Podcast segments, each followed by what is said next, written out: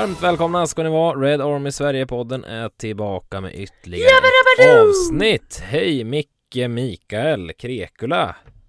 Hej! Hej, hur har du? Du sitter i en nyinflyttad lägenhet, har jag förstått. Eh, ja det gör jag. Nej jag har det bra. Det har jag. Hur har du det själv?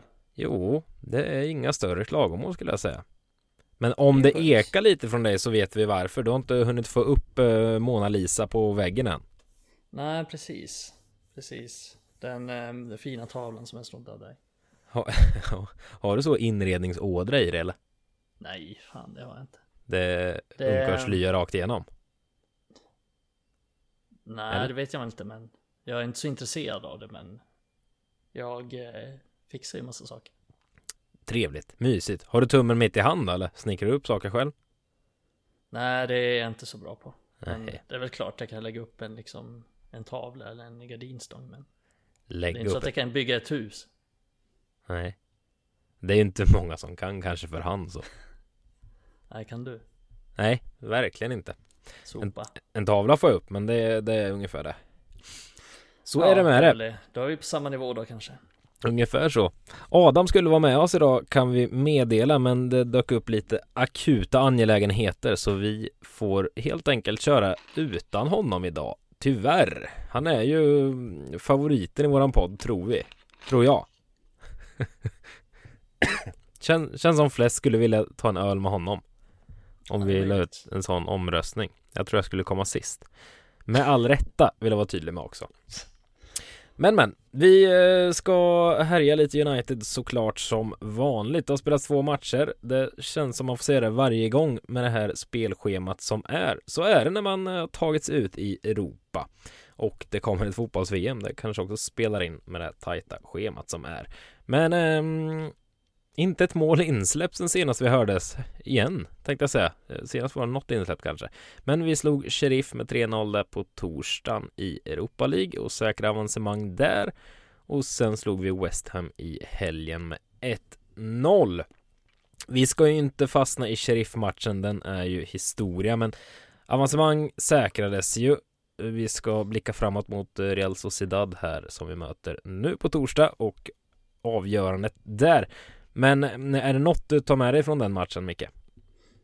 Som du vill prata om, som är värt att prata om? Ja, en vecka nej, senare, det- höll jag på att säga. Ja, det alltså jag känner ofta i den typen av matcher att det inte finns så mycket att prata om. Det finns inte så mycket särskilt att säga egentligen. Det är så pass svagt motstånd.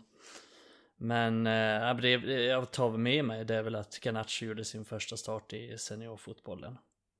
Eh, så det är väl eh, det jag egentligen Ta med mig. Det som jag tycker är intressant i den matchen och det som är intressant tycker jag nu i och för sig nu startade ju Langa i ligamatchen sen men eh, Jag tycker det var intressant att han startade före Elanga som inte hade spelat särskilt mycket då. Och även före Pelistri. Eh, så det är väl det jag tar med mig som jag tyckte var intressant. Vad tyckte du då? Du har ju följt Garnacho lite längre än, eh, än de flesta andra som du följer ungdomarna ganska ganska tätt så. Han fick ju rätt eh, mycket lovord. Var det med rätta? Han, hur bra är han? Berätta lite. Ja, nej men jag tyckte väl att han var pigg, men det är ju ofta så när en ungdom kommer in och så är han pigg. Så, så har man den måttstocken liksom att han är hur bra som helst för att han tar för sig lite. Det där är ett vanligt förekommande alltså. Ja men det är väldigt vanligt. Men det är väl klart, jag tyckte han var pigg. Han, men han gjorde ju andra sidan lite som jag förväntade mig ungefär. Eh, han är ju fortfarande väldigt rå i sitt spel. Alltså väldigt omogen, vilket man kunde se här. Missar lite enkla passningar, tar lite fel beslut. Kan jobba med sin touch i vissa lägen, men å andra sidan är han ju, trots att han bara är 18 år, så är han ju oerhört kraftfull i sitt sätt att spela. Alltså på att bryta igenom, på att ta sig förbi. Han är bra på att ta sig förbi en mot en och har bra fysik. Men han är också modig i sitt spel och han utmanar hela tiden, försöker hela tiden och är väldigt liksom så här. Ja men outtröttlig i sitt löpande. Men eh, jag ser ingen riktig startspelare i honom den här säsongen och han är inte riktigt redo för det. Men han kan, han kan komma in och förändra för han är en matchvinnartyp ändå så att jag tycker att om vi ligger under i någon match i ligan oavsett vilka vi möter så är han en bra joker att slänga in. Eh, För han har de egenskaperna att våga men också att kunna avgöra viktiga matcher. Men eh, alltså jag tänkte på det, det dras ju ofta, lite som du är inne på kanske, det dras ju ibland ganska rejäla växlar från när någon ungtupp kommer in så här och man är lite pigg som du säger. Alltså Ja men det, det, finns ju folk som liksom sitter nu och startar Garnacho nästa match och nästa match och så vidare och så vidare. Alltså hur långt efter skulle du tycka att han är Alltså om man jämför med de andra yttrarna vi har Du var inne på Elanga eh, Sancho har fått sitta bänk två matcher i rad här nu och så vidare och så vidare Alltså hur, hur ska man matcha in honom? Är det naivt att tro att han ska kunna bidra på riktigt den här säsongen? Eh, som sagt så tycker jag att han har egenskaper för att kunna komma in och förändra. Liksom, man kan slänga in honom sista tio och han har potentialen att kunna göra ett avgörande mål. Det är nästan så att om, säg att det står 1-1 på stopptid mot typ West Ham och så ska man göra ett byte och slänga in så väljer man mellan Sancho och Garnacho. Då väljer jag nästan hellre Garnacho. Men möter vi West Ham från start, vi ska spela 90 minuter och någon av dem ska spela vänsterytter, ja men då väljer ju självklart Sancho före. Så det är lite, lite olika där, men nej jag känner ju inte att han är redo. Jag känner inte att han är redo att spela, spela från start i någon viktig match. Och det känner man väl här också att visst han var pigg men otroligt dåligt motstånd och, och det passar ju honom bra för då kan han Ja, men han kan ta sig förbi dem, men kan han ta sig förbi en ytterback i West Ham?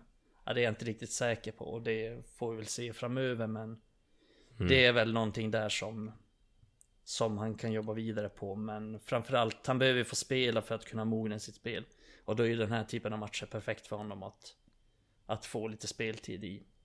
Men jag tycker det var, det var lite överraskande för mig att han gick för, för vi har ju så många yttrar nu. Mm. Eh, Pelistri har ju fortfarande inte fått spela någonting och sen har vi ju Langa och Anthony och Sancho och Rashford och hela köret. Så det, men, men kul, kul att han fick spela men jag blev lite överraskad över att han fick det. Mm.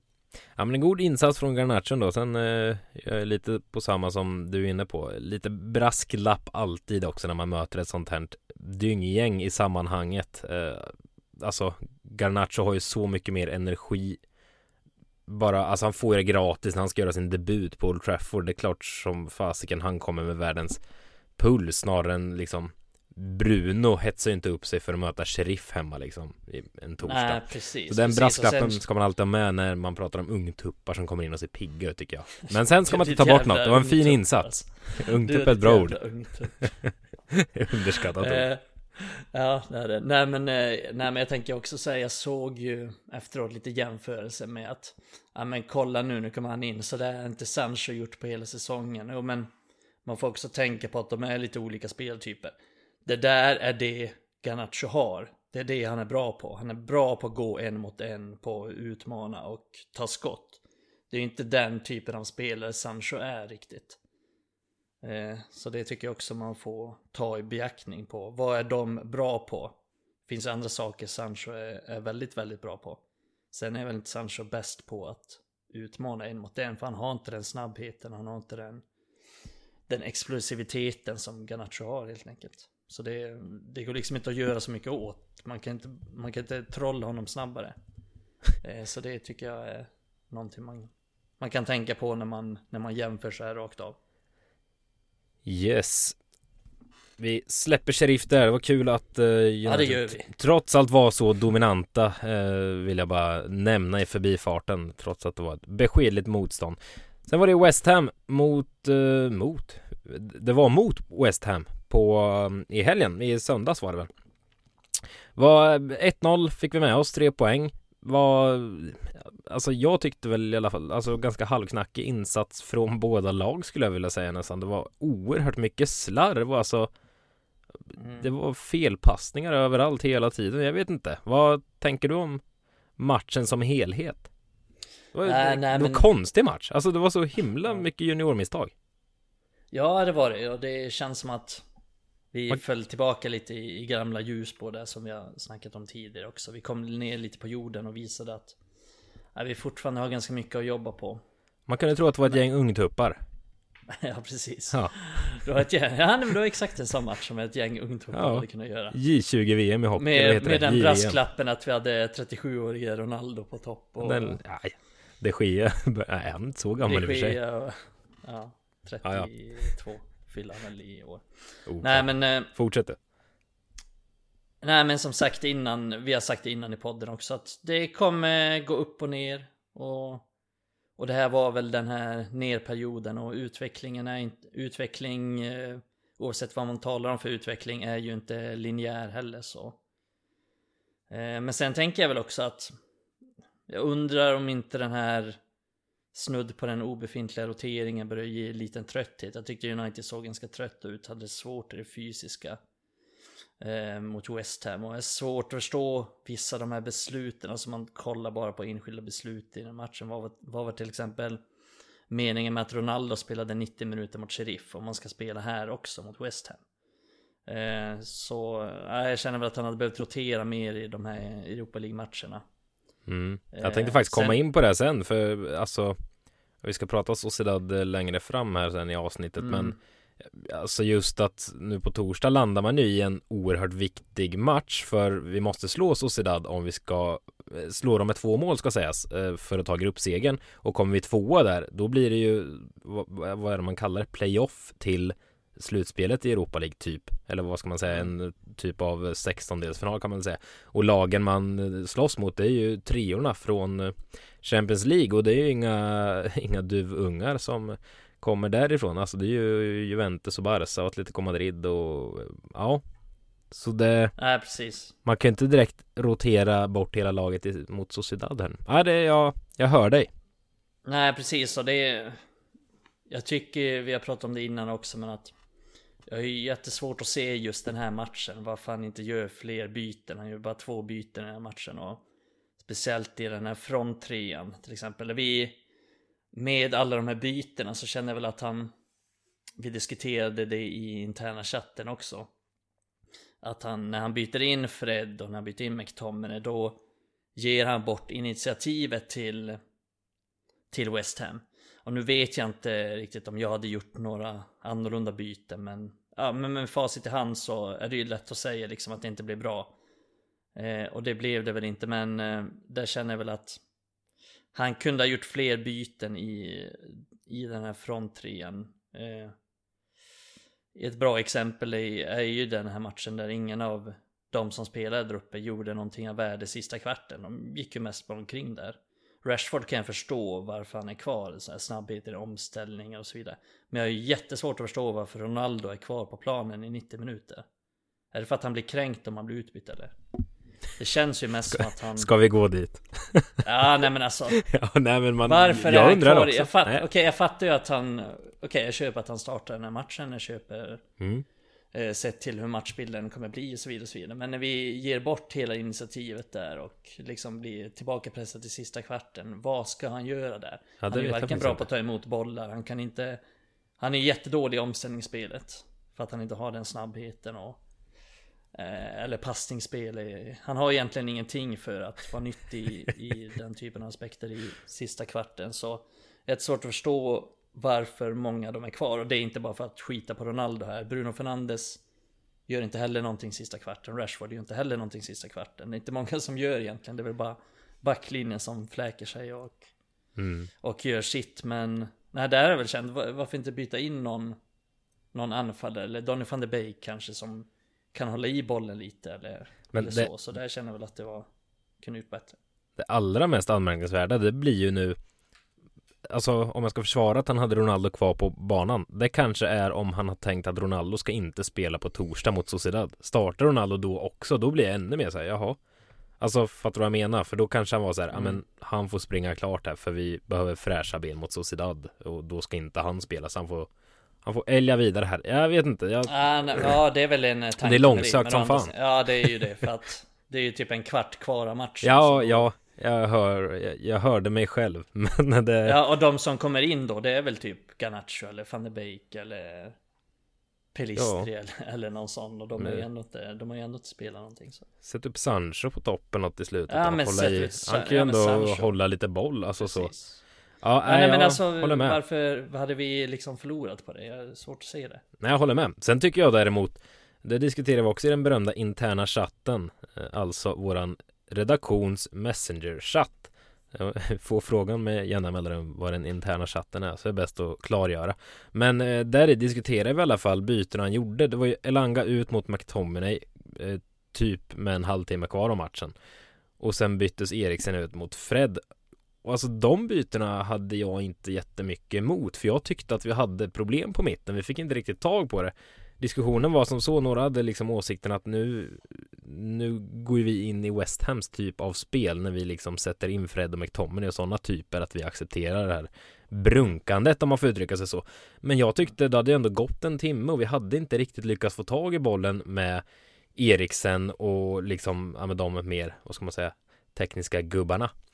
Så jag tyckte nog någonstans att ja, vi hade 1-0 vi lyckades inte få tag på bollen. Då var det kanske bättre att matcha upp på mitten med att få in McTominay som kan matcha de gubbarna i närkampsspelet och så vidare. Men eh, vad, vad, tycker du om den? Om bytena som ändå gjordes?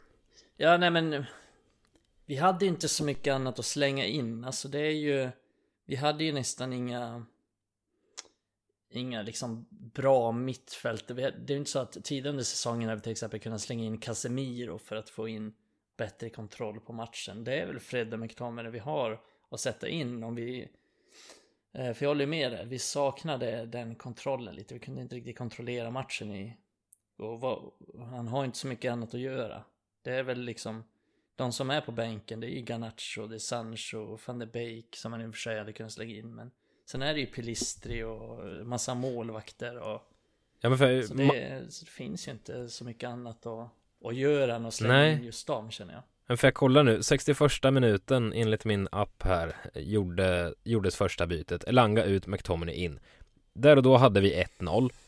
Och, och Elanga var inte bra i matchen. Elanga var inte bra. Det behövdes ju ett ja, byte där. Alternativen hade varit att göra något rakt byte med Langa då, men då hade det varit Sancho in som inte alls sett bra ut på sistone. Garnacho och det har vi redan diskuterat att ja, och, och inte heller som liksom bidrar till något typ av eh, spel till att få kontroll på matchen kan jag väl känna heller. Nej, exakt. Och Pelistri Eller, fanns det med ja. som aldrig är med. Och van de Beek är van de Beek. Alltså, nej, det fanns liksom inte så mycket. Så jag, jag vet inte, jag tyckte ändå det var rätt att försöka. Sen kanske inte blev kanon alla Ten Hags byten för vi, matchbilden fortsatte väl lite okontrollerat och vi såg ju alla i slutet eh, tryckte ju West Ham på duktigt mycket så Ja, men svårt att, det är ju lätt att sitta efteråt och kritisera byten och så tycker jag. Men där och då satt jag och mm. kände att bra och Jag har ju varit lite kritisk tidigare att jag tycker han agerar ganska sent en hagg Här var det ändå, hade bara gått en timme så bytte han och skulle stärka upp mitten. Det Nej, jag ser det som positiva byten och att han var ganska proaktiv den här matchen Ten Hag. Ja, Nej, nej, han försökte göra någonting i alla fall. Sen att det inte blev rätt eller, eller bra med facit i hand. Det får man väl köpa. Ja. Men det var det man var lite trött på innan med, med vissa tränare. Att ja, men bara gör någonting. Okej om det blir fel. Det, det må vara hänt. Det händer mm. alla. Alla gör fel någon gång. Men gör någonting i alla fall. Mm. Nåväl. Jag tänkte, brukar göra lite nedstamp så här efter matcherna i lite olika delar eh, och så vidare. Tycker ofta det blir något negativt, någon man vill klaga på. Men eh, mest positivt här nu, trots att matchen mot West Ham inte var, var jättebra. Men det var ändå flera fina insatser och grejer att lyfta ändå. Alltså det första jag måste lyfta är bara Diogo Dalot på högerbacken. Jag, jag skrev det i mina tre tankar efter matchen också och för jag satt där och bara det bara slogs av, eller jag slogs av när han fick bollen någon gång och någon aktion där efter en halvtimme eller så. Så bara, bara räknade med att nu blir det ett gott resultat av den här situationen för det är Dalot där. Det, alltså vilken extrem utveckling han har haft på väldigt kort tid. Alltså, jag vet inte om jag varit med om något liknande, någon som varit så iskall och liksom ingen tror på till att ja, han är bland de bättre högerbackarna jag ser där ute just nu alltså. Mm. Nej men eh, det har Ten Hag har varit bra för honom och den här strukturen som Ten Hag kom in med har varit bra för honom. Eh, sen får man också komma ihåg att ja, men det, är en, det är en ung spelare som har som har eh, utvecklats liksom. Det är ju det, det, är naturligt att en ung spelare blir bättre men det som är så bra med honom är ju att han men han vinner så otroligt mycket dueller. Eh, både längs marken men också Framförallt vid bortre stolpen där som var så otroligt nyttigt i den här matchen. Och där var ju han hästdålig för alltså. Ja, det vet jag inte om jag tycker att han var. Men var det inte förra alltså... säsongen det var så sjukt många gånger släppt in mål så? Det var ju för sig Van Bissaka sprang runt där också. Men, men jag får för mig att Dalot också varit där. Är jag snett på det? Jag får för mig att jag sett ja, honom också flera det. gånger i bommare. Ta på mig om jag är snett på det. Men, Nej men det är väl klart ja. att han var inte lika bra på det förra säsongen men eh, Nej Oj. men eh, han har ju alltid varit helt okej okay i luftspel så här. I, det är inte så att han bara magiskt har, har hittat den Hittat den formen i sitt spel Lite som Rashford har gjort men eh, Nej, jag, nej det är bara bli imponerad av hans liksom inställning och hans förmåga att komma tillbaka från, från att ha varit uträknad i princip. Mm. Ja, det, är, det är fantastiskt och inte bara Dalot är väl en, alltså lyfta vänsterbackspositionen också. Luke Shaw har ju kommit tillbaka från de döda tänkte jag säga. Malaysia, vi pratade om det förra veckan. Malaysia startade ju ändå säsongen på vänsterbacken och man började fundera på om Shaw gjort sitt nu en gång för alla. Men eh, alltså han har ju kommit tillbaka och visar nästan den brutala formen som han gjorde där. Vad var det? Våren 21 när han var så jäkla bra. Eh, han hade... Ja, när han var jävligt bra mot West Ham också. Ja. Eh, han men... är... Alltså han är så jävla bra i speluppbyggnaden. Det är Man kan ju ge honom bollen bara så Så liksom eh, löser han det. Mm. Och det är en sån otrolig trygghet. Och den det har ju lite Dalot också. Han är ju också bra i speluppbyggnaden och liksom har bra teknik och en bra första pass som som man hela tiden kan använda sig av. Så det är ju något som är oerhört nyttigt för laget och sen är ju Shaw en av de bästa i laget på liksom ta upp bollen, på ta bollen och driva bollen. Alltså bara driva förbi en motståndare. Den, upp, mäktig, nästan underskattat mäktig på det han. Ja, han är, det snackas för lite om hur extremt bra teknik han har.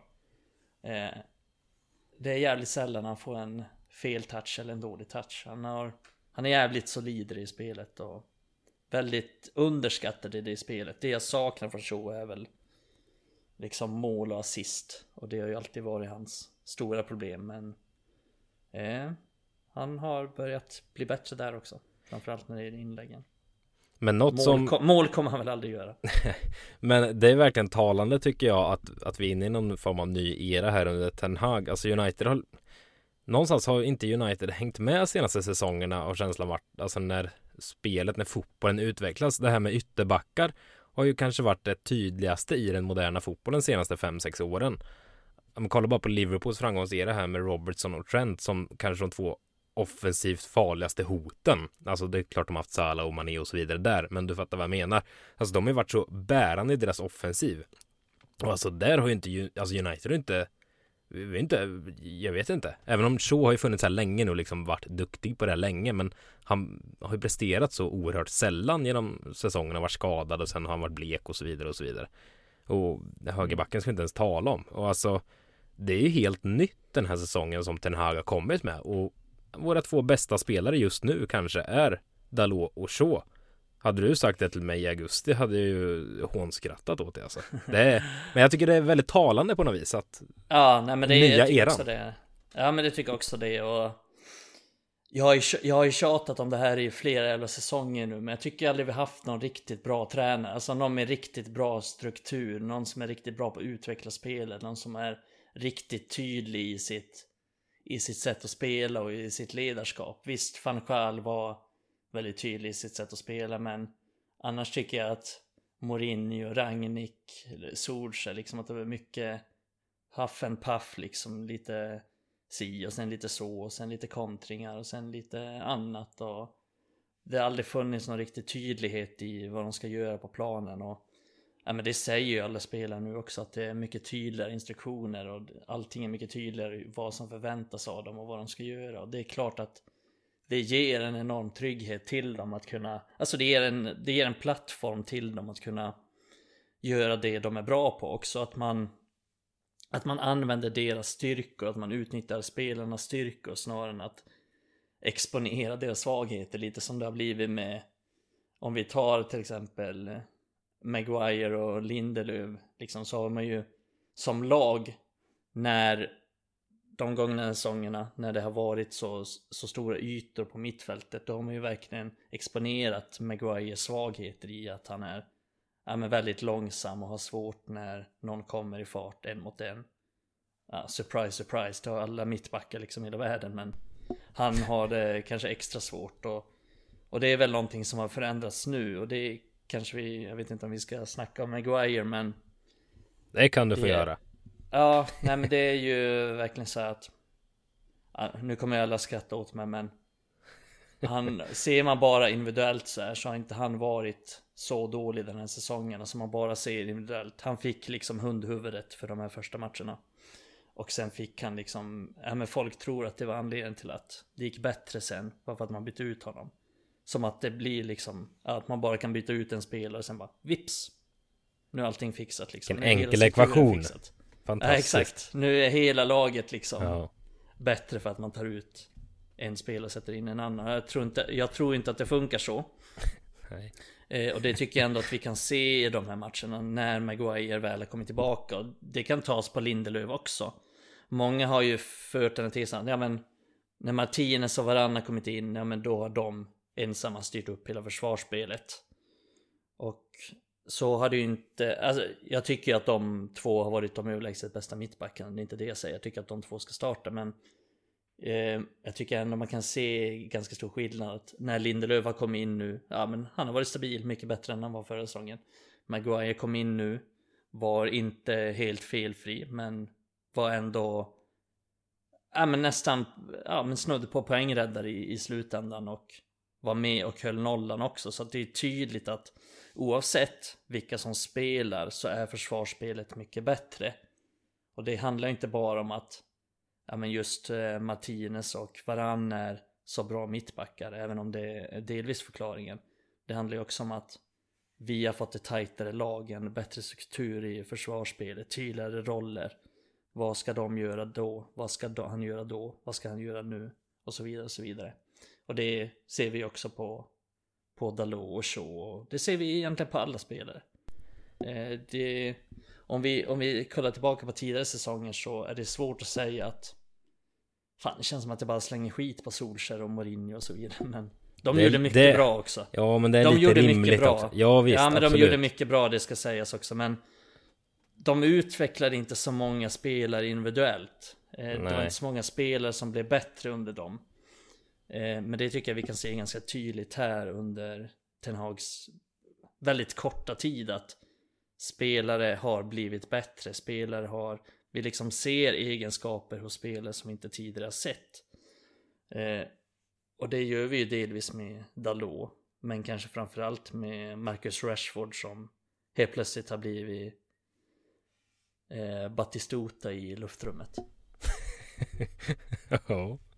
Ja, det är ingen dålig jämförelse. Herre Jesus vad han eh, dök upp högt. Men eh, Rashford ska vi gå in på snart tänker jag. Men om vi bara håller oss kvar här i defensiven som du är inne på. För alltså något som ändå demonstrerar det du varit inne på. Alltså det är klart Varan och Martinez är liksom en höjning rent personalstyrkemässigt också. Men alltså det, jag håller med dig. Det går inte bara att peka på det. Alltså det är ändå fem raka nollor nu på, på hemmaplan.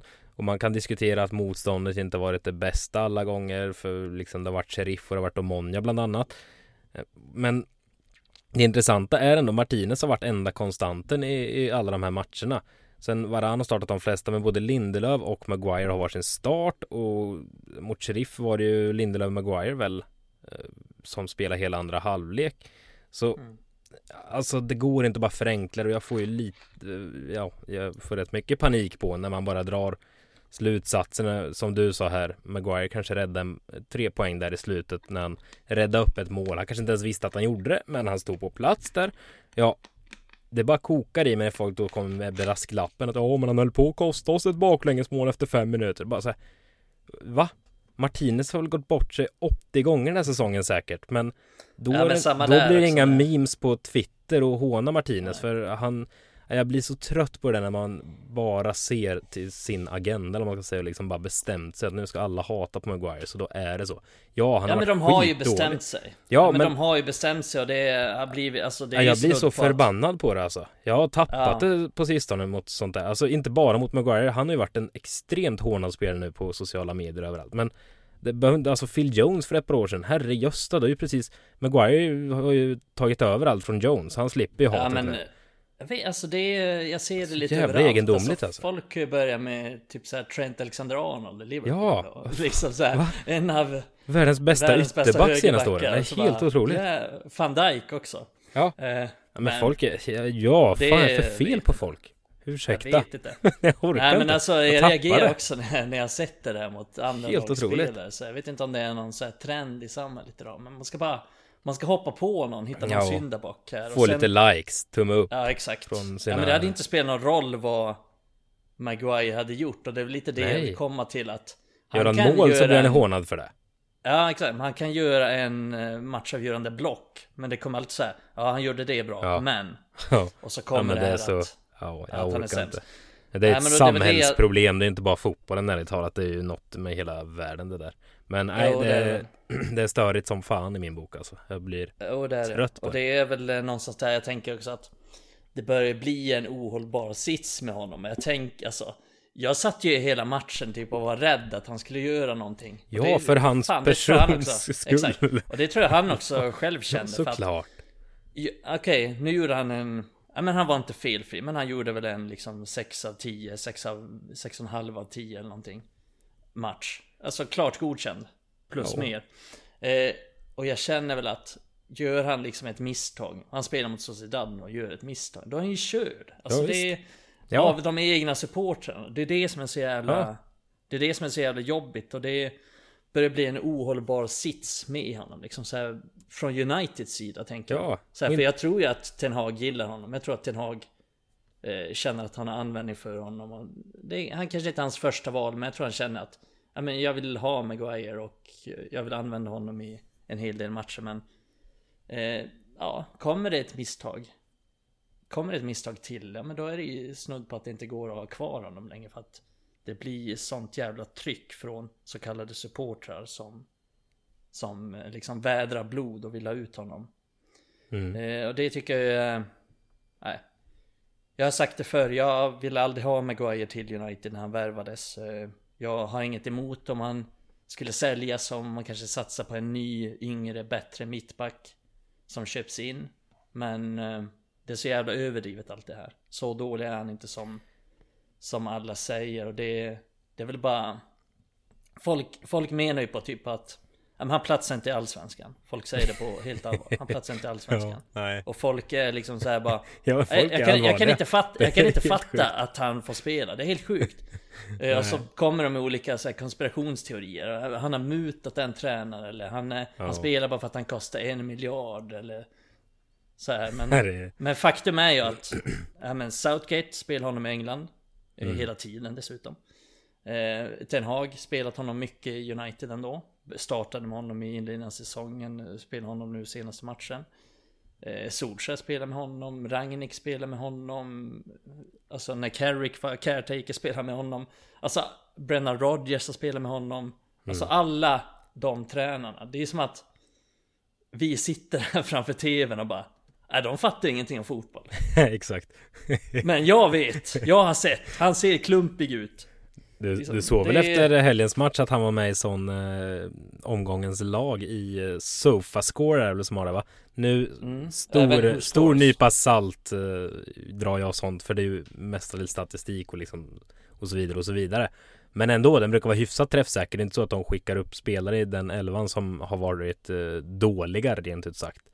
Så det, nej, det är... Nej, nej men precis, men det var väl för att han hade Ja, men han, eh, han, var ju, han var ju väldigt bra sista 15-20 där. Han Ja, ja. tog ju bort extremt, han nickade bort extremt många bollar Alltså vann många dueller och Jag, jag, jag eh, många, många blockeringar och rensningar och så vidare så vidare så jag såg på tal om Han det här bara sets. häxjakten. Eh, Vi ska runda av den här diskussionen snart kanske. Men Ja det ska vi Jag, jag såg det för det var ju någon gång precis i slutet där som han gjorde en sjukt bra brytning, slängde fram halv glidtackling, halv slängde sig fram. Men så kom bollen olyckligt nog till en West Ham-spelare, Rice tror jag det var, som sköt och de Gea gjorde en riktigt vacker räddning uppe i krysset. Och då såg jag ju någon kommentar någonstans hur det var någon som liksom vinklade till att Ja sen när någon lyfte att, ja vilken brytning han ja. Ja men han gav ju dem ett ännu bättre läge så de Gia fick rädda honom igen. Man bara, men Alltså det, ja.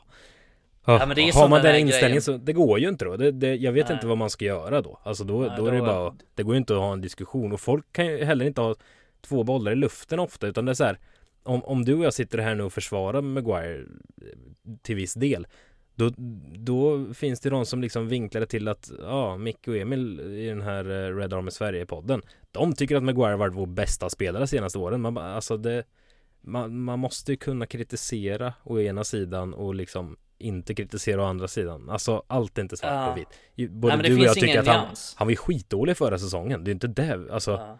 det, det tycker vi också. Det är ju, Ja. tycker ju alla. Men det måste finnas någon proportion på det hela. Det, nej, Nej exakt, det finns ingen nyans i det och jag hade någon diskussion med någon på Twitter där och så sa jag bara Eller det var någon kille som skrev till mig typ att Harry Maguire är sämst i världen. Jag bara Nej det är han inte. Sen, sen liksom förde han, den här snubben, han blev helt galen på mig bara, förde tesen bara Jaha, är han så jävla bra då? Hur fan kan du tycka att han är bra? Hur fan kan du tycka att han är bäst? Jag har aldrig sagt det. Jag sa bara att han inte är bäst i världen.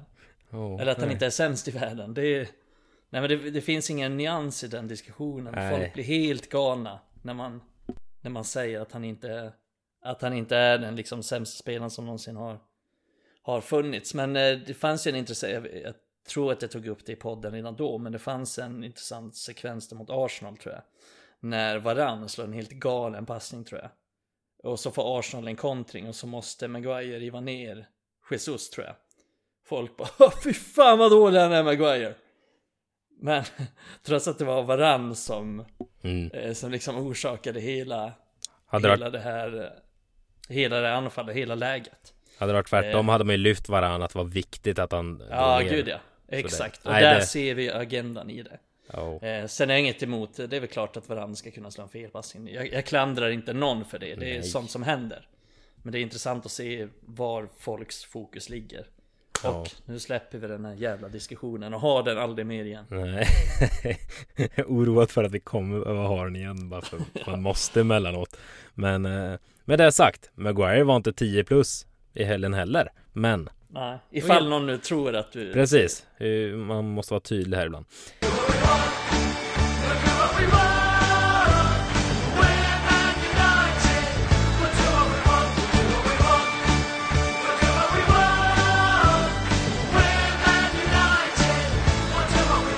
Men eh, de Gea var vi ändå inne på och honom har vi pratat om förr också men måste ändå bara Han gör ett par Han gör ett par räddningar om vi säger så Gisses Han fick eh, Ja, det gör han. lite kul också efter att han ändå varit eh, rätt ifrågasatt av många här nu under hösten om man är lite oss. Ja, om man är lite trött på, på honom Jag har försvarat honom hyfsat vill jag ändå eh, lyfta Men eh, jag fattar ju också att Att det behövs komma in något mer modernt eh, målvaktsspel så att säga Men kul för honom att få vara så här utslagsgivande som vi vant oss vid tänkte jag säga Som har varit så många gånger för United på just det här sättet att Bjuda på ett gäng hästräddningar för det, det var det Gisses alltså Ja, och nej, han är ju så jävla... Han är ju... Han är kanske den bästa linjemålvakten jag någonsin har sett. Ja. Men kan det, Eh. kan det vara så att man överskattar det sker lite bara för att han gör så sjuka räddningar? Alltså man kan sätta upp highlights-paket med honom som är så fascinerande för det är så sjuka räddningar han gör. Alltså fattar du vad jag menar? Kan, kan man, som att man överskattar en utespelare som bara gör snygga mål liksom. Då tänker man att oh shit vilken lirare men egentligen är han rätt halvdassig. Ja, men eh, han är ju extremt populär bland, bland många supportrar. Det tror jag är en av de stora anledningarna till varför han är det. För att eh, studerar man inte liksom... Det, det är så komplext att se så här situationer. Och det är svårt att se på tvn också till exempel. När han inte kommer ut och tar de här bollarna. När han inte avstyr de här frilägena som andra målvakter gör. När han inte kommer ut och plockar det inlägget. Det syns inte riktigt. Eh, det syns bara om han kommer ut och gör fel. Då syns det. Men det syns ju inte om han bara stannar kvar i målet. Och det som syns är ju räddningarna han gör. Och han är otroligt bra på de räddningarna. Eh, Som jag sa innan, det, det finns inte Det finns inte någon som är bättre än honom på linjen. Det finns inte någon som är bättre än honom på att ta de här bollarna. Eh, så det är, men det har aldrig varit hans problem. Det är inte det som är hans problem. Problemet är ju att men han inte är tillräckligt bra med fötterna. Han är inte tillräckligt bra på att komma ut. Han är inte tillräckligt bra på att plocka inlägg. Och det ser vi också i slutet av den här matchen. Att men han kommer ju aldrig ut och tar de här inläggen. Och det sätter ju försvaret under en enorm press som är svår att ta sig ur. Eh, sen ska inte jag klandra honom efter den här matchen. Sen vill jag också säga att jag tycker att han, jag ska inte säga utvecklas, men jag tycker att han han har gjort det bättre på sistone. Han har kommit ut mer. Han har liksom skärpt till spelet med fötterna lite. Eh, och lite sådana saker. Han har helt enkelt varit bättre på, på alla saker. Men jag tror inte att det är tillräckligt bra för att han ska kunna vara kvar i klubben. Nej, men det är tydligt att han har jobbat på liksom Ten Hags sätt att spela också. Det säger också någonting. Eh, som ni hör kanske jag uppskattar den här hösten under Ten Hag och nya ledningen. Men eh, ytterligare tecken på att, att det görs framsteg. Eh, Marcus Rashford var inne på förut och det måste vi faktiskt prata om. Han gjorde sitt hundrade mål i United-tröjan dagen innan han fyllde 25 här. Det är ju bara att applådera till att börja med kanske. Det är inte alla som gör 100 mål i United i sin karriär och han är trots allt bara 25 år fyllda som sagt var. Vad, om vi ska hänga kvar lite hos Rashford ändå och diskutera honom för alltså Ja men han dök fram, det är ju rätt många år sedan han, han har varit med brutalt länge för att vara så ung som han ändå är Alltså han dök ju fram, man tänkte här har vi vår framtida, han kommer vara eh, dö som våran eh, meste målskytt någonsin och så vidare och så vidare. Sen gick det ju ner här ett par säsonger och någon säsong som var riktigt mörk alltså. Men eh, känns som han vaknar till liv igen. Var, vart står du i Rashford så att säga? Ja, nej det är en eh, spelare som alltid är upp för ständig diskussion. Nej men det är väl typ bara 19 spelare eller något sånt, eller 18 spelare inom tiden som gjort fler mål än honom. Och, eh, rekordet är ju inte så, så jävla högt i United ändå. Det är väl 253 mål tror jag som Rooney har. Eh, Sen tror jag inte att Rashford slår det rekordet. Men han är inte en tillräckligt bra målskytt för det helt enkelt. Men eh, ja, vad var frågan? jag vet inte. Jag började nynna. okay. jag nynna... Vi skulle snacka om Rashford. Okej, okay, men jag snackar Jag började nynna på uh, ramsan om Rooney här bara. Hade micken avstängd och du började prata om mästermålet. Äh, satt där, eh, Wayne Rooney, Wayne Rooney. What's up? Ja, tur att jag inte äh, hade micken på. Nej men bara, vart, stod, vart står du lite i Rashford? Ja, nej men vart står jag? Nej men jag tycker man? det... Jag tycker det är, det, det är, lite svårt att förhålla sig till dem. Alltså man var ju så besviken och så, alltså, ja, ja, ja, ja vart är vi? Ja Ska han vara med på den här resan och stå där om fem år och liksom ha öst in 150 mål till eller vart fan är man? Nej det tror jag inte men Ja, men det som gör mig positiv de senaste veckorna, om vi tar bara de senaste, de senaste matcherna här, det är att han har visat på egenskaper som han inte har visat förut. Eh, och då kommer jag in igen på hans målfarlighet med huvudet i boxen. Och kan han fortsätta med det, om det är någonting, jag vet inte om det är bara liksom att han råkade göra de matcherna, eller råkade göra de målen. Han har gjort två mål med huvudet nu och det är svårt att säga om det är en trend eller om det bara är en slump. Men kan han fortsätta utveckla det spelet, sin målfarlighet med huvudet i boxen. Eh, men sen också fortsätta utveckla sitt beslutsfattande. Ja, men då kan han bli väldigt, väldigt, väldigt nyttig framöver. Eh, men han har ju fortsatt de svagheterna där, eh, framförallt i beslutsfattandet i sista tredjedelen där han inte är så bra. Nej, så det, det är en svåranalyserad spelare och som sagt en spelare som alltid har debatterats mycket men ja, överlag är det kul att en kille som har varit i klubben sedan han var sju år gör 100 mål och dessutom 49 assist på det så att han har ju ändå producerat poäng och det är väl inte det som jag ser det som det stora problemet med honom. Eh, han är ju ändå... Jag ser honom rent ut sagt som en ytterforward. Som... Han kommer aldrig göra 30 mål på en säsong. Men han kanske kan göra 20 mål på en säsong med, med bra utdelning. Eh, men det är ungefär det han kommer göra men Eh, och det tycker jag liksom är bra utdelning för en, för en ytteranfallare. Men som sagt, kan han fortsätta utveckla det här spelet i boxen som han ändå har visat de senaste matcherna? Ja, vem vet? Då kanske han gör ännu fler än, än 20 mål på, på en bra säsong och då, Då kanske han slår Waza! Ja, det kanske han slår det till och med. Passande i halloween-tider. Scary movie, Waza! Ja, för fan vilken, jag vet exakt vilken scen det är. Fruktansvärt roligt fast det är inte Ja, roligt. Han skriker i telefonen va? Ja, i sån, med sån scream-mask och så Ja. Nej, det Han är väl hög som ett hus den där eh, som är Scream va? Nej, det, det är kul Så är det halloween-tider hamnar jag där Ja, Ja, mycket utsvävningar här nu ehm, På tal om forwards och eh, målgörande och allt vad det heter Martial dök upp på träningsbilder igår måndag Det gör inget om han kommer tillbaka va? Nej, det accepterar vi. Det är lite kul hur det har förändrats sen alla ville bli av med honom. Ja, inklusive jag. Så Nej, det- säga bara. Det Får det att låta som att jag vet någonting här som inte alla... Nej men alla ville ju bli av med honom i somras. Ja, typ va? Eh, så det är jävligt intressant att se hur alla längtar efter honom nu. Eh, Och han har typ spelat så här 120 minuter också i år. Eller i, i ligan. För han har varit så Ja. mycket skadad så det är så här 120 Typ ändå minuter. flest mål. Ja och ändå sitter man och bara skriker efter en spelare som man knappt sett i år. Eller det är så här Ja, Ja, men de- Nej men han har ju varit vilket avtryck. bra när han, när ja han väl har fått spela så. sinnessjukt avtryck på den lilla tiden han spelat. Sen eh, ska vi säga att när vi spelar in det här vet vi inte riktigt exakt status skick på honom om han liksom eh, Ja, kan vara med och spela här i Ja, på torsdag har väl svårt att se va? Men eh, till helgen. Vet inte.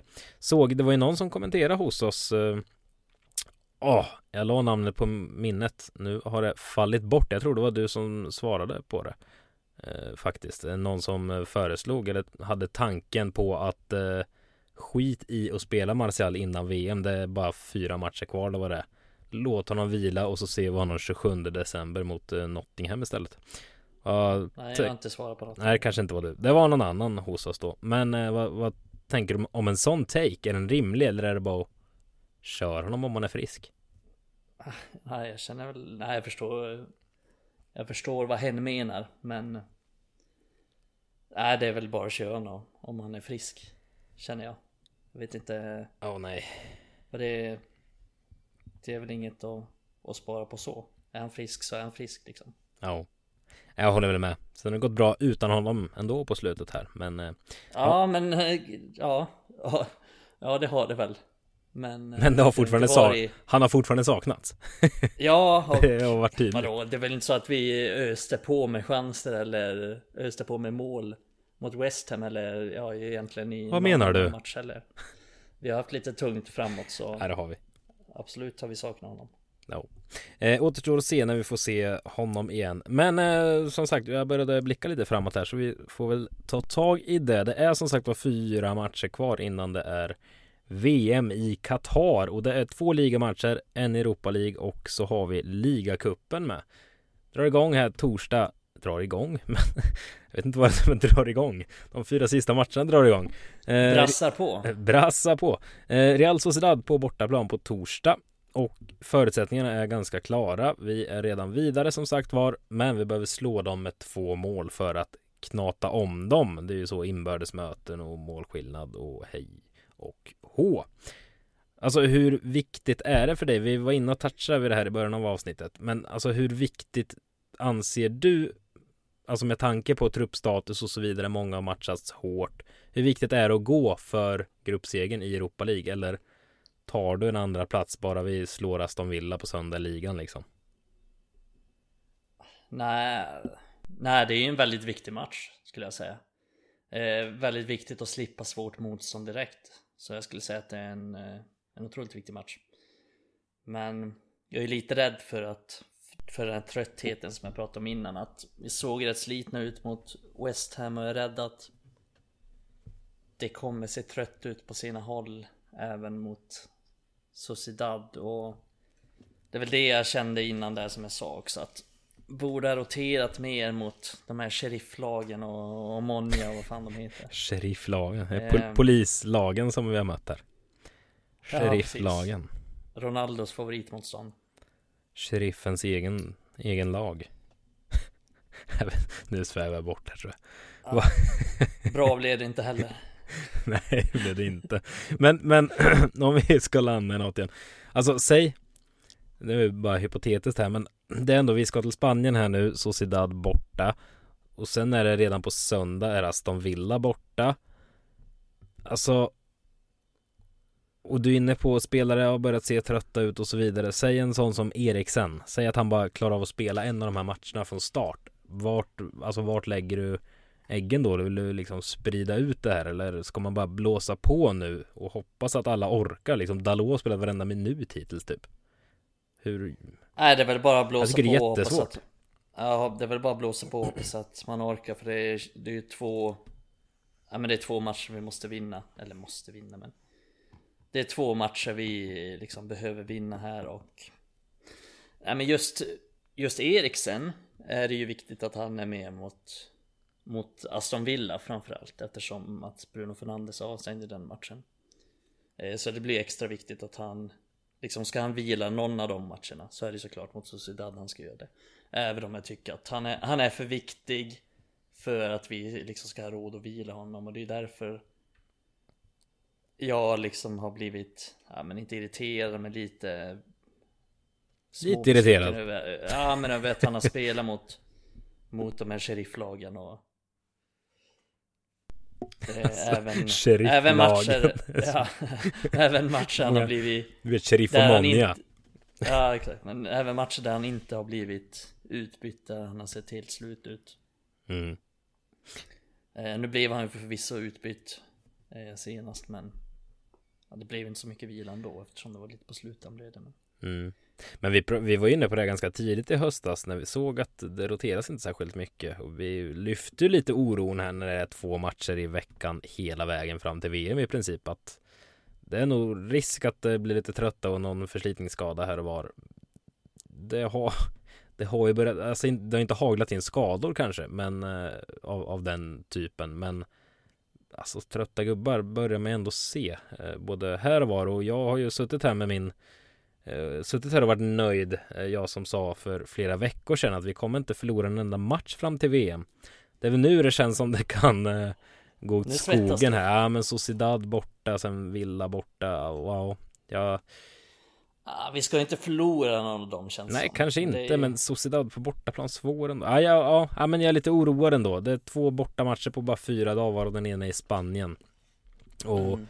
ja, jag, jag tror det kommer vara tufft ändå. Och Sociedad följer inte varje vecka så liksom, spanska eh, halvdassigt lag så. Men Aston Villa på söndag, det, det, är lite otäckt också. De kommer liksom sparkat trötta Gerard. Synd om honom. Eh, Unai Emery ramlar in där nu och har väl precis eh, touchdown England. Eh, så han mm. kommer, de kommer in med ny kraft. De är ändå ett rätt bra lag tycker jag på pappret. Så nej, det känns som det är en tuff vecka för United. Väldigt viktig vecka, men, eh, men tuff. För det vore, ja, det vore fruktansvärt ju... skönt. Det är Villa och Fulham kvar nu i ligan innan innan VM-uppehållet. Alltså ta sex poäng där, då ser det faktiskt, då är det bara att applådera den här hösten någonstans eh, med tanke på starten vi fick med noll pinnar efter två omgångar mot Brentford och, och Brighton. Så nej, det är en viktig vecka alltså. Ja, gud ja, och eh, ja, men speciellt också eh, som du säger, tar vi två segrar där mot Fulham och, och Villa så är det ju otroligt. Och i synnerhet med tanke på att vi, ja men av alla topplag så har vi haft det svåraste schemat. Vi har mött, vi har mött alla, liksom de bra lagen, vi har mött alla, alla topplagen och alla topp 10-lagen och, och så vidare och så vidare. Så att eh, kommer vi undan med 6 poäng där och ja men då ligger vi ju typ 3-4 också. Så det får man ju vara otroligt nöjd med efter den starten som du säger och efter den det svåra spelschemat som Ten Hags mannar ändå har haft. Mm. Sitter och tänker eh, live eh, så att säga. Eh, det här, det här är ingen tanke jag hade på förhand. Men Alltså jag gnällde ju rätt tidigt under hösten här också att jag tycker det är så viktigt att man har många spelare igång. Det här med på tal om rotation och så vidare. Det vill jag ändå säga att de flesta spelare i truppen är hyfsat igång nu ändå. Alltså om man skulle behöva rotera in, alltså så här Fred McTominay som eh, var bänk senast, de har ändå fått sina minuter och liksom in i det. Det är inte så att de saknar matchform om de skulle slängas in här i veckan. Maguire spelar senast, Lindelöf har vi sett. Eh, Shaw har ju, han bytte liksom av Malaysia som också fått någon match här och var. Elanga var inne helt utan sist. Nacho har ändå fått eh, kika, kika läget. Sancho finns där. Martial kommer tillbaka och han är Martial. Alltså. Mm. Så det här med det, det slog mig nu bara att många ändå hyfsat igång faktiskt. Det känns ja, bra. Ja, det är väl egentligen bara, ja det gör det. Det är väl egentligen bara Donny van der Beek och... Ja, men han är ju inte med ändå. Fan Bissaka. det spelar ingen roll. ja, han kanske går in nu när Bruno är avstängd mot. Ja, vad, vad, vad tror du? Jag du vet. sa att det är viktigt med Eriksen mot eh, Villa eftersom Bruno är avstängd, men ska man bara räkna iskallt med att Eriksen kliver upp i den rollen? Ja, nej men det tror jag. Men jag tror inte att de kommer ha exakt samma roll. Jag tänker väl att med Eriksen så får vi ett mer enhetligt mittfält. Säg att vi spelar Casemiro och Eriksen Fred kanske så blir vi defensivt starkare men också starkare i speluppbyggnaden då Eriksen deltar mer i det spelet än Bruno. Sen eh, Bruno jobbar ju hårt men han är inte särskilt delaktig i varken det defensiva spelet på mitten eller i uppbyggnadsfasen heller. Eh, men det är väl eh, skillnaden mellan, mellan Eriksen och, och Bruno där att vi, det vi förlorar med Bruno är ju uppenbart liksom att han är ju en potentiell poängspelare, potentiell matchvinnare på samma sätt som jag inte riktigt tycker att Eriksen är. Särskilt inte vad gäller, vad gäller målskytte och det kan man väl sakna med Bruno så, men jag tror att vi får mer kontroll på matchen och ett stabilare mittfält med till exempel Casemiro och Eriksen Fred eller om det blir McTominay. Eh, så det är jag inte så orolig för, för vi har ganska bra, vi har bra täckning där. Mm.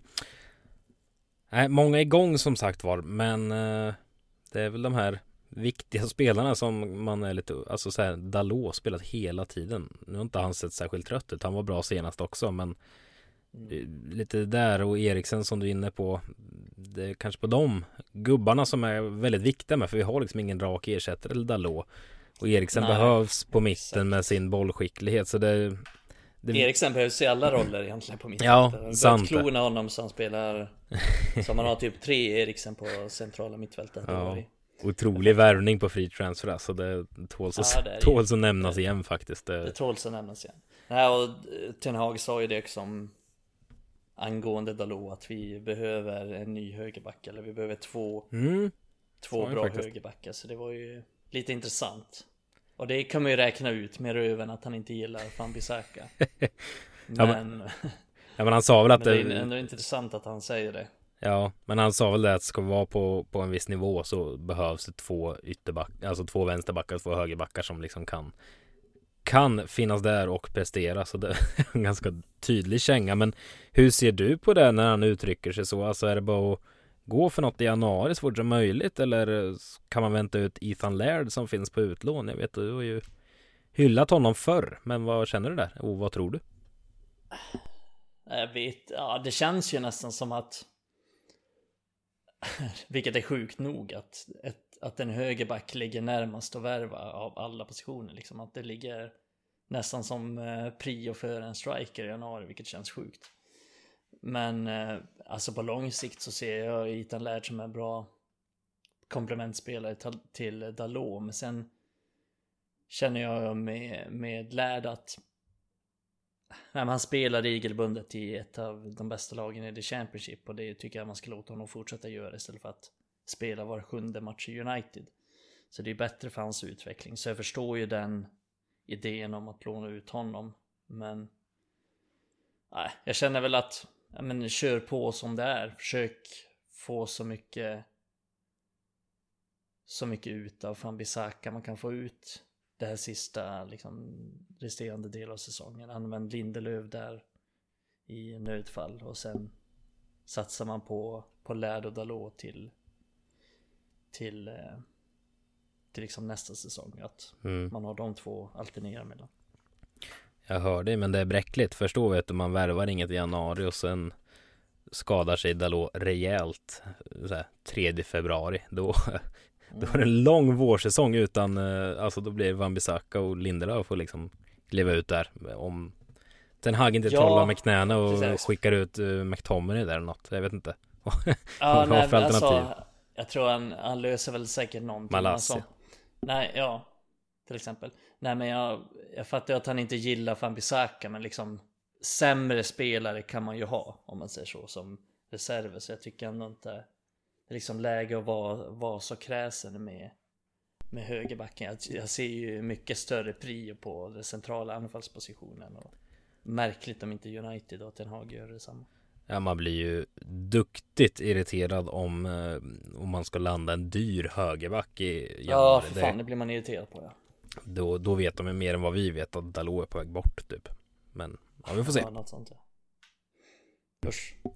Så är det med läget. Eh, på tal om Spanien och Real Sociedad så ska ju A-truppen dit igen i december eh, under VM. För det kommunicerades igår måndag att det blir ett träningsläger och träningsmatch mot eh, Cadiz. Säger man så? Hur är spanska kunskaperna? Aha, ingen aning. Nu säger vi Cadiz. Jag skickar frågan till dig för jag var tvungen att hosta och mjuta micken faktiskt. Eh, jag sökte vård för min hosta igår faktiskt. Hörde av mig till vårdcentralen. För jag har hostat i två månader nu och kände att eh, nu får det fan vara nog. Ja, Ja, fick tid vet du. 22 11. Kanon. Kanon. Lycka till med det. Ja men det är ju för fan om tre veckor. Eh. Då blev jag ledsen. Ja. Vad fan ska man inte kunna få gå Du till får ge inbrott där eller någonting. Ja men gå till doktorn inom tre veckor. Ja, ja. Hota doktorjäveln. Jag kanske inte är högprioriterad, det får man väl köpa. Men eh, träningsmatch mot Cadiz blir i alla fall 7 december och United är på jakt efter ytterligare någon motståndare att möta. Någon gång under VM-uppehållet förstod jag det som. Antagligen närmare jul för sen är det ju vad säger man? Återuppstart 27 december för United mot Nottingham då. Vad har du på Cadiz? Inte mycket. Nej, jag är inte särskilt intresserad av att dra upp någonting här nu. Här och nu heller. Nej, vi får återkomma helt enkelt vad eh, vilka Kanske. spelare som ramlar upp eh, i VM-trupper till att börja med. Eh, om ett par veckor här så utgår vi från det. Men vi kan väl räkna med att det blir lite ungtuppar som får chansen på sånt träningsläger likt försäsongerna. Gissar jag. Ja, ja, det blir väl typ som ett försäsongslag. Ja, lite så. Och ett litet läge där. Nog om det. Nu ser vi fram emot en eh, spännande vecka som United-ögon. Sociedad och eh, Aston Villa, två fruktansvärt viktiga och roliga matcher ska sägas. Så eh, styr vi upp ett avsnitt nästa vecka igen. Vi har en väldigt rolig gäst på gång inom några veckor ska sägas som både du och jag ser fram emot. Ja, just det. Det har vi.